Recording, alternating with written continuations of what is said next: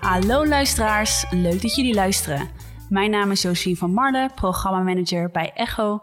En vandaag zit ik aan tafel met uh, de projectleider van NL Stenden, het initiatief, Students for Students initiatief van Central Perk. Um, en ik ga deze aflevering in het Engels hosten, want Petco uh, spreekt Engels. So welcome Petco. Thank you for having me. Hi, how are you? I'm feeling good. Yeah? I'm glad to be here, being invited for an interview with you. Well, a podcast is is a huge honor for me. Yeah, it's an, an honor, honor, to have to you. represent Central Park. Cool. All right. Well, good to have you here. Um, I just wanted to briefly start and ask you uh, to introduce yourself. Who are you and what are you basically doing at um, Central Perk? Well, first of all, my name is Petko Kolev. I am originally from Bulgaria, and at the moment, I am finishing my bachelor's degree at NHL Stenden. And besides that, I'm also the project coordinator at the student living room Central Perk at NHL Stenden. So, a student living room. What is that? What can I what can I think about that? So, how does that look? Well, at the moment, with the whole Corona situation that's been going on for over a year now, student living room is not really the reality of the project. But originally, uh, Central Perk is a place, a living space in the university where students can gather together, socialize, share their daily problems and issues, and just feel welcomed in a well new environment. People, students coming from different countries all over Europe and different continents. It's a struggle sometimes being in, in a new country, especially in your first year. So our goal is to make that easier for everyone and just create a sense of community. Yeah. Yeah, I still remember it was um I think a couple of days before the lockdown, the first lockdown um, uh, of the coronavirus uh, uh, measures. And um, I visited you. Yes. And I also got the chance and the opportunity to see, you know, the impact of uh, Central Perk.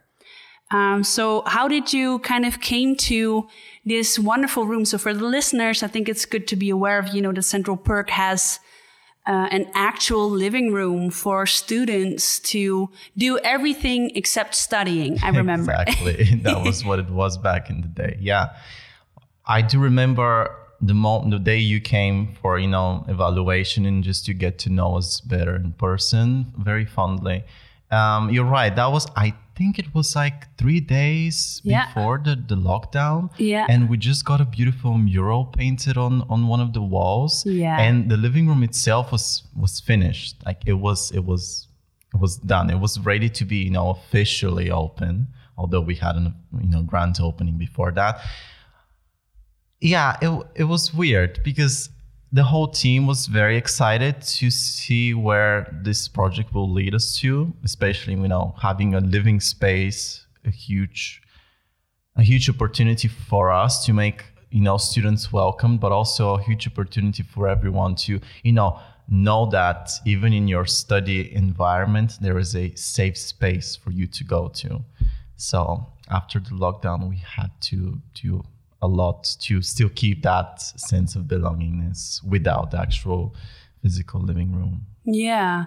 So I also hear, you know, basically that you adapted the initial idea from a physical space where you could actually meet each other and meet other students and especially also work with students that, you know, were in need of, you know, a little bit more support to increase sense of belonging at NHL Stenden. Exactly. Um, and how how did you do that? How did you you know basically make it happen that you got an actual living room inside of the school? How did you do that? Well, that wasn't my doing. I first, when I joined the project, I joined as a well, student assistant, um, you know, host, hosting uh, in the living room. It was the project coordinator before me who worked uh, hard to, um, you know, reserve a actual space in the university. Before that, the space was actually a hair salon. A hair salon? Enough, it was a hair salon. in- Wow. In the university that was used for, I think, training of one of the courses. Yeah. But when I joined, there was already a living room. And there was already a canvas for us to work with.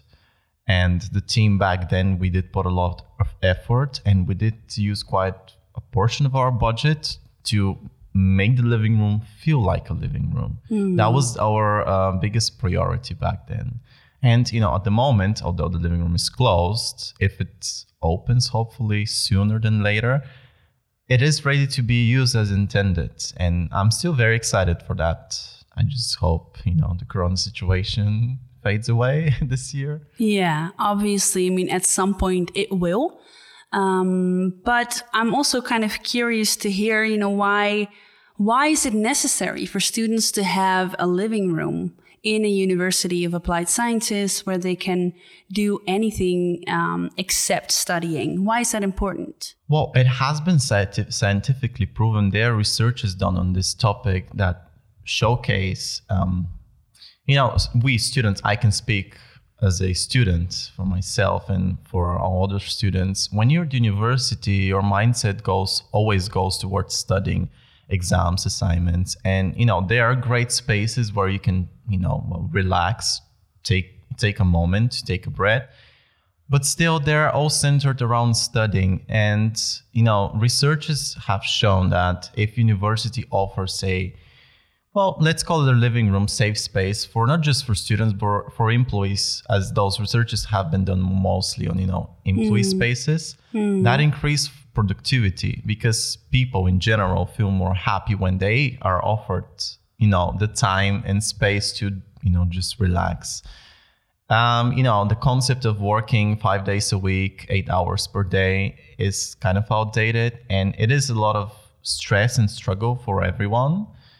Um, so, you know, that's the whole purpose of this room is to offer this to students. And there aren't a lot of universities actually that have such a, well, unique selling point, a living room. So it, we're kind of, you know, pioneers in this, um, you know our goal is you know to make students feel comfortable but also ease up their minds. So me as a host when i was a host there i also felt that although you know i was doing my job hosting the space Yeah. but just being there having you know all the issues regarding studies on you know on the back plan that was that was great i could you know take a moment to think about myself Yeah. and my mentality Yeah. And so, what I also hear you say is like it is important to cater uh, and to facilitate this room. So, you as a student, you were kind of working to, you know, support other students in using the room properly. How, you know, what kind of program did you build, and how how did you make sure that, you know, students would not come to the room and actually study there? well, one of our, you know, unwritten rules was that studying is not allowed in the Yeah. living room. Of course, if someone wants to check something on their laptop, I can't forbid them to do so. As long as you know the main goal coming to us is to take the time for yourself, not for your study. So, well, I remember back then being the host, you know, my job is to make everyone who joins feels comfortable and welcome because I mean, at the end of the day, it's a space and that space on its own doesn't mean anything. You have to bring life to it. And that was my job as a host. But regarding the studying part, well, we didn't allow, you know, study meetings in the, in the living room. Like we would encourage people to meet to make friendships there to meet with their friends which that happened a lot but studying that wasn't allowed But then, what kind of things did you do there? And um, and also, how did you make sure that the things that you provided um, in the room and in the space, uh, how did you make sure that that would support students that needed it the most? Well for the brief you know i became a, the project coordinator shortly before the lockdown. So for that short period of time my goal for the living room was whatever we do there will always align with our core, core values as, Yeah. a, as an organization. So whatever activity organi- uh, you know we would organize would have to you know share those co- core values which would be you know diversity a s- sense of belongingness but uh, i mean to be honest, at the beginning, we did a lot of different things because we had to build a community and entertainment was one of the ways to attract attentions for students and kind also, of see what works perhaps exactly also? it yeah. was a, a, lot of um, it was like a trial period build a portfolio or some, yeah. some sorts yeah. i mean the whole time before the lockdown was actually our trial period and what we you know what we learned from yeah. that period we actually applied when we had to reconstruct our well, living room but online but I mean, at the beginning, we did like movie nights where people can socialize and, you know, hang out together. We did a lot of uh, board game nights. That was a huge success. I saw a lot of boards and, and, board games when I people. came. yeah. It was, it was amazing. Yeah. Students loved it because it's not, that's not really offered. Everyone likes board games. Everyone, everyone loves socializing through, through that. But it, I mean, the university doesn't organize it. So we took the initiative to do that we did have a lot of other plans more focusing on diversity and awareness of different cultures and especially on racism how even if you're not a racist the way you're raised there are some micro racism you know ways of you know how you carry yourself in front of other people that's just you know life and we wanted to bring awareness to that mm. we did hmm. trainings on the topic but in, we couldn't do it in the living room because of corona yeah. So yeah. we're trying to work on this now yeah. digitally. But, you know, having a space gave us so many opportunities to do so much. And I mean, we have a lot of plans for the living room once it opens. Yeah. There's so much content that we've worked on and we, we can share it online, but it, it is different when you're in person and you have this personal connection with the people there. Yeah, I can I can definitely um, imagine that. Obviously, you know that the impact of a physical living room is different than you know providing that support in an online environment. Um, but I'm also curious, like, how did you translate the things and the programs that you ran um, in that digital form? What kind of things did you did you offer? Was it like the same things that you offered, but then, you know, online, or did you actually make a total, totally different program for online content? We actually changed our program completely. We reworked the content we wanted to do. While thinking back, actually, the COVID 19 lockdown that happened was a blessing and a curse at the same time because it gave us the opportunity to sit sit down and brainstorm on what could we possibly do. Like we need to do something. We we can't abandon the project. So we did change our program. Um, at the beginning in the living room was mainly used for entertainment and we were just planning to you know focus more on diversity and acceptance but you know corona happened. So we took that and we decided to we we did think that self improvement would be a very important topic during the lockdown because when you're locked inside for such a long time, you start losing, you know, losing the plot basically. All the motivation goes away because you can't meet with your friends. Studying is difficult from home. So we we wanted to remind every student that at the end of the day, everything they need, they have it. It, it is in, in, in their hearts, in their soul. So we did a lot of videos and, you know, just workshops on self-improvement? I saw actually i actually saw some um some trainings you know some physical trainings oh, that we yes. could do. We did that. That was workouts that so. was very popular. Yeah. You know i'm not the most physically active person i have to say and the lockdown didn't help in no, that regard. i relate yeah. So you always did workouts um outside and you know uh, according to all the measurements back then in the lockdown and people loved it because you know you're you're locked inside so you you like you, you can't go to the gym and you don't know how can you keep your body yeah. you know fit so we decided to take that route and people loved it because again it reminded them that everything they need they have it So also kind of focusing more on building a community based on, you know, uh, providing them with um, some tips and maybe tricks on how to deal with self-care in these exactly, hard times. Exactly. Yeah. Self-improvement and self-care. How to, for example, how to study during during those difficult times because the way we we studied before the lockdown that tremendously changed after the lockdown so we try to give them tips and you know advices on how to you know keep up the good work basically. Yeah. And you know how to stay motivated how to stay positive although you know things don't always look as bright as we want to. Yeah. We can try.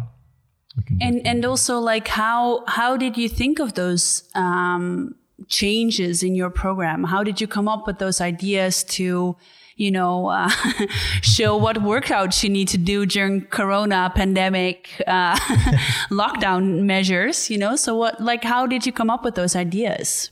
Well, I myself, as a coordinator, I had to, you know, give some ideas to the whole team. And for me, entertainment, it just felt inappropriate during, you know, everyone, but there are people literally dying out there from the mm. virus. It didn't feel genuine that we would, you know, provide board games, board game nights, or in general game nights we did that of course that's part of you know com- of each every community but, but I really at the start yeah, you yeah I, I really wanted to just give people some hope, some insight on how they they can, you know, still feel good about themselves and the things they do during the lockdown. So we decided to, you know, just embrace that and embrace our community and try to lift them up during mm. the hmm. difficult times of the lockdown. So, in a sense, you could perhaps even say that that main goal of Central Perks, providing you know a sense of community,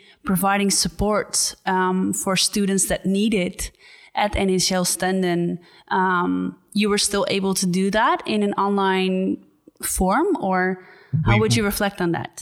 Yeah, we we well we decided to you know try to have a digital living room. We did open a Discord server where we well, that was our digital living room. We chose Discord because it's a more friendly app, well, program. I don't know how to platform. It's a more friendly platform. So is it yeah. is it like an online platform where you can meet people and like have chats, or what is yeah, what it's, is it's chats. What is you it? can have voice calls, video oh. calls, oh. and actually, I was quite surprised how many people joined. How many people joined? I think in total we have around 150 people that you that reached during corona yeah times. we, we did yeah. reach during corona times and uh, the living room was uh, the digital living room was a lot more active a year ago when you know was the well the highlights of the lockdown the first lockdown was well was you could say it was iconic for all the wrong reasons mm. but uh, the digital living room was active people were trying to connect and you know replicate what they had before the lockdown. So that was a big surprise for, for, for Central Perk in general that even though the times were difficult, people still try to reach out to each other. And I guess also, you know, this was this is very impressive, right? To hear that you were able to reach so many students that were essentially also looking for something, right? Exactly, they were looking exactly. for connection in difficult times and also studying, you know, in a different country than where you're raised or born or, um, or where your family and friends are living, it can also be very hard to make that connection with the institution, right? Where you where you study. Was, I mean, for me, I can say for myself, coming from abroad, I come from Bulgaria, which is not that far. It's on the same continent. It's in the European Union. But I remember my first week, study start week. I did not know a single person, and no one really wanted to socialize with me because everyone was in groups already. So I did feel very, you know, I felt left out and quite depressed. Mm. So, I mean, that was one of, you know, my inner motivations for this project that I don't want other people to have to go through this. And it has been my goal for Central Perk since the beginning. Do you also see that you were able to attract mainly international students, or was it like, were you also able to work with um, building a connection between Dutch students on the one hand and also international students on the other hand? Or how did that turn out? Um, it, it was a mixture in the beginning. I think mainly because in in the previous team we had a year ago, uh, half of the team was already Dutch. Mm. So there was a, a, way to you know attract those Dutch students, for example, from you know Dutch uh, Dutch speaking courses at NHL Stenden, you know, from both sides of the building. Now it's I think it's more international than than national, which it's fine. I mean, the living room is open for every single person, regardless of language, color, race, culture, sexuality. That doesn't matter. I mean, our slogan is bring your own diversity for a reason. Yeah. We're all yeah. equal. And I also hear you kind of say something about, on the one hand, you know, challenges for specific students, right? I mean, uh, the specific challenges for students that are, you know, uh, coming from abroad and study mm-hmm. here um, that you really want to cater towards in, in this project. But also, I hear you say uh, something about basically representation in the project team. So how important would you say uh, is it to actually be aware of, you know, a diverse representation in your team that is kind of working on these types of initiatives? Well, I can give you a very recent example since we had to change some of our um, team members.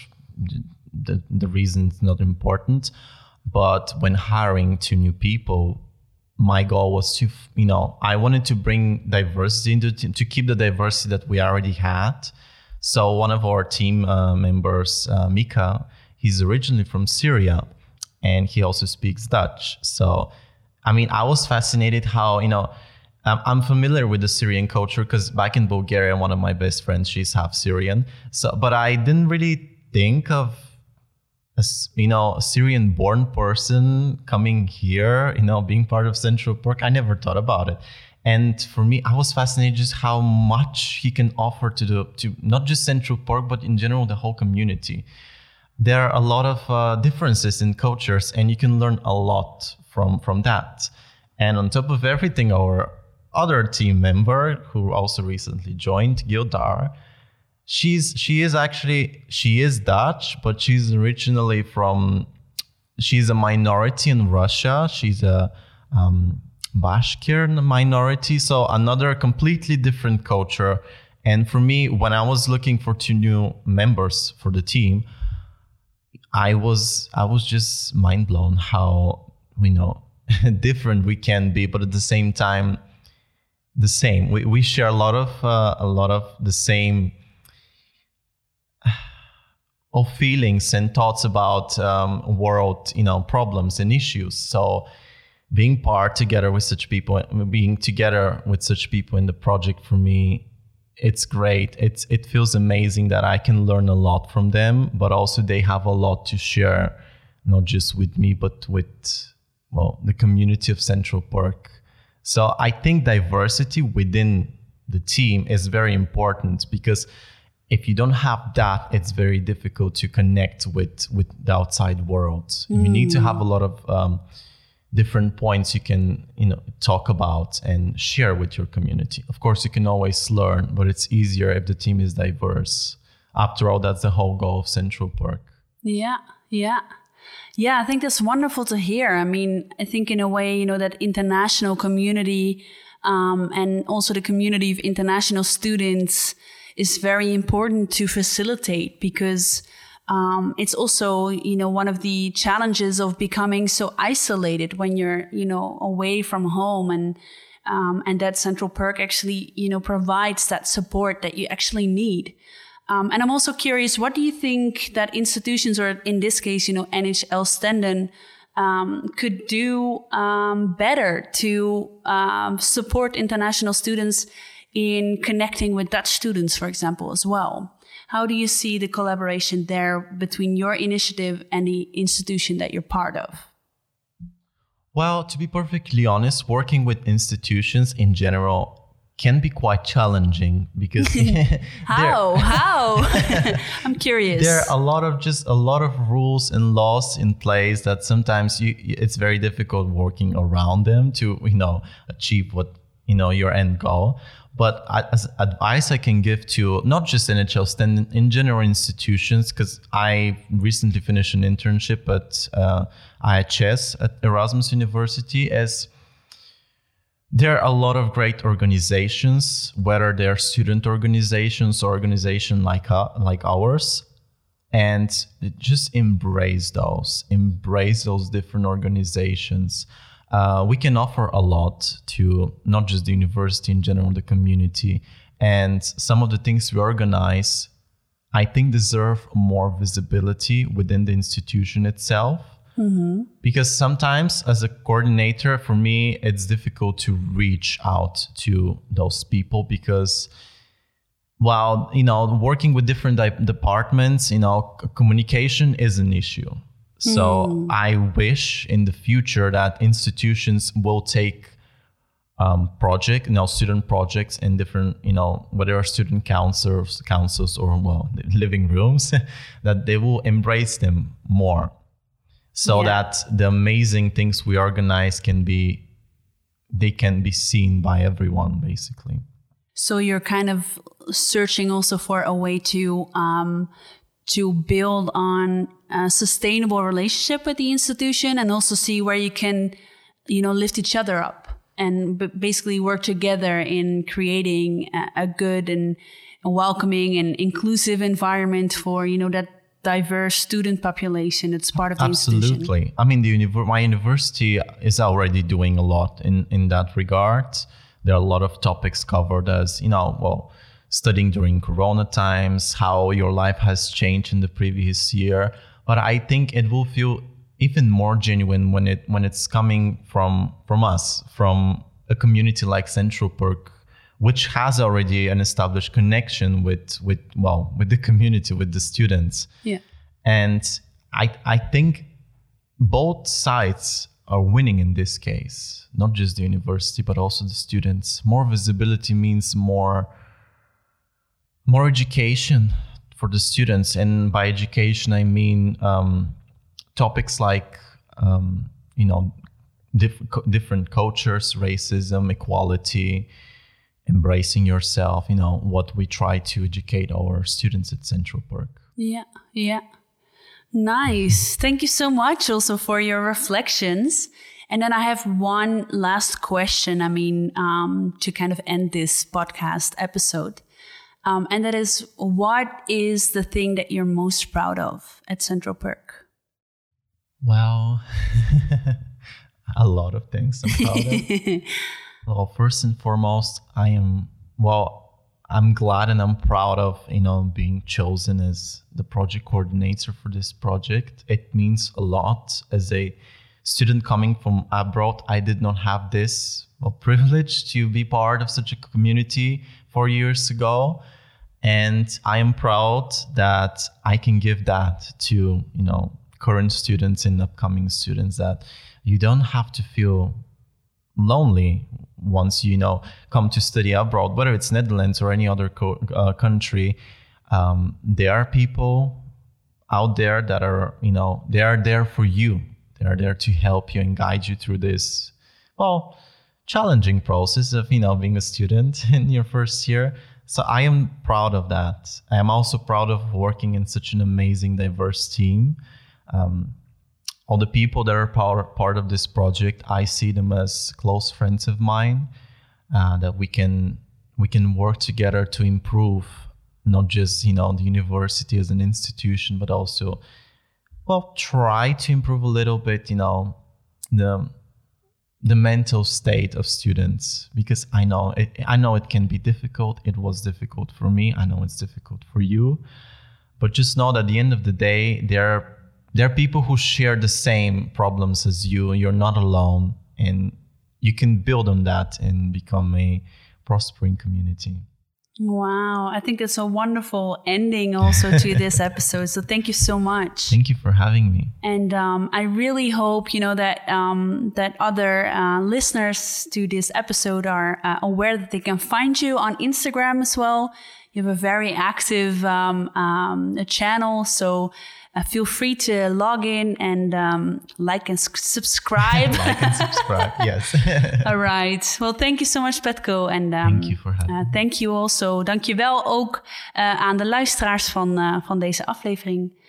En tot de volgende keer. bye bye.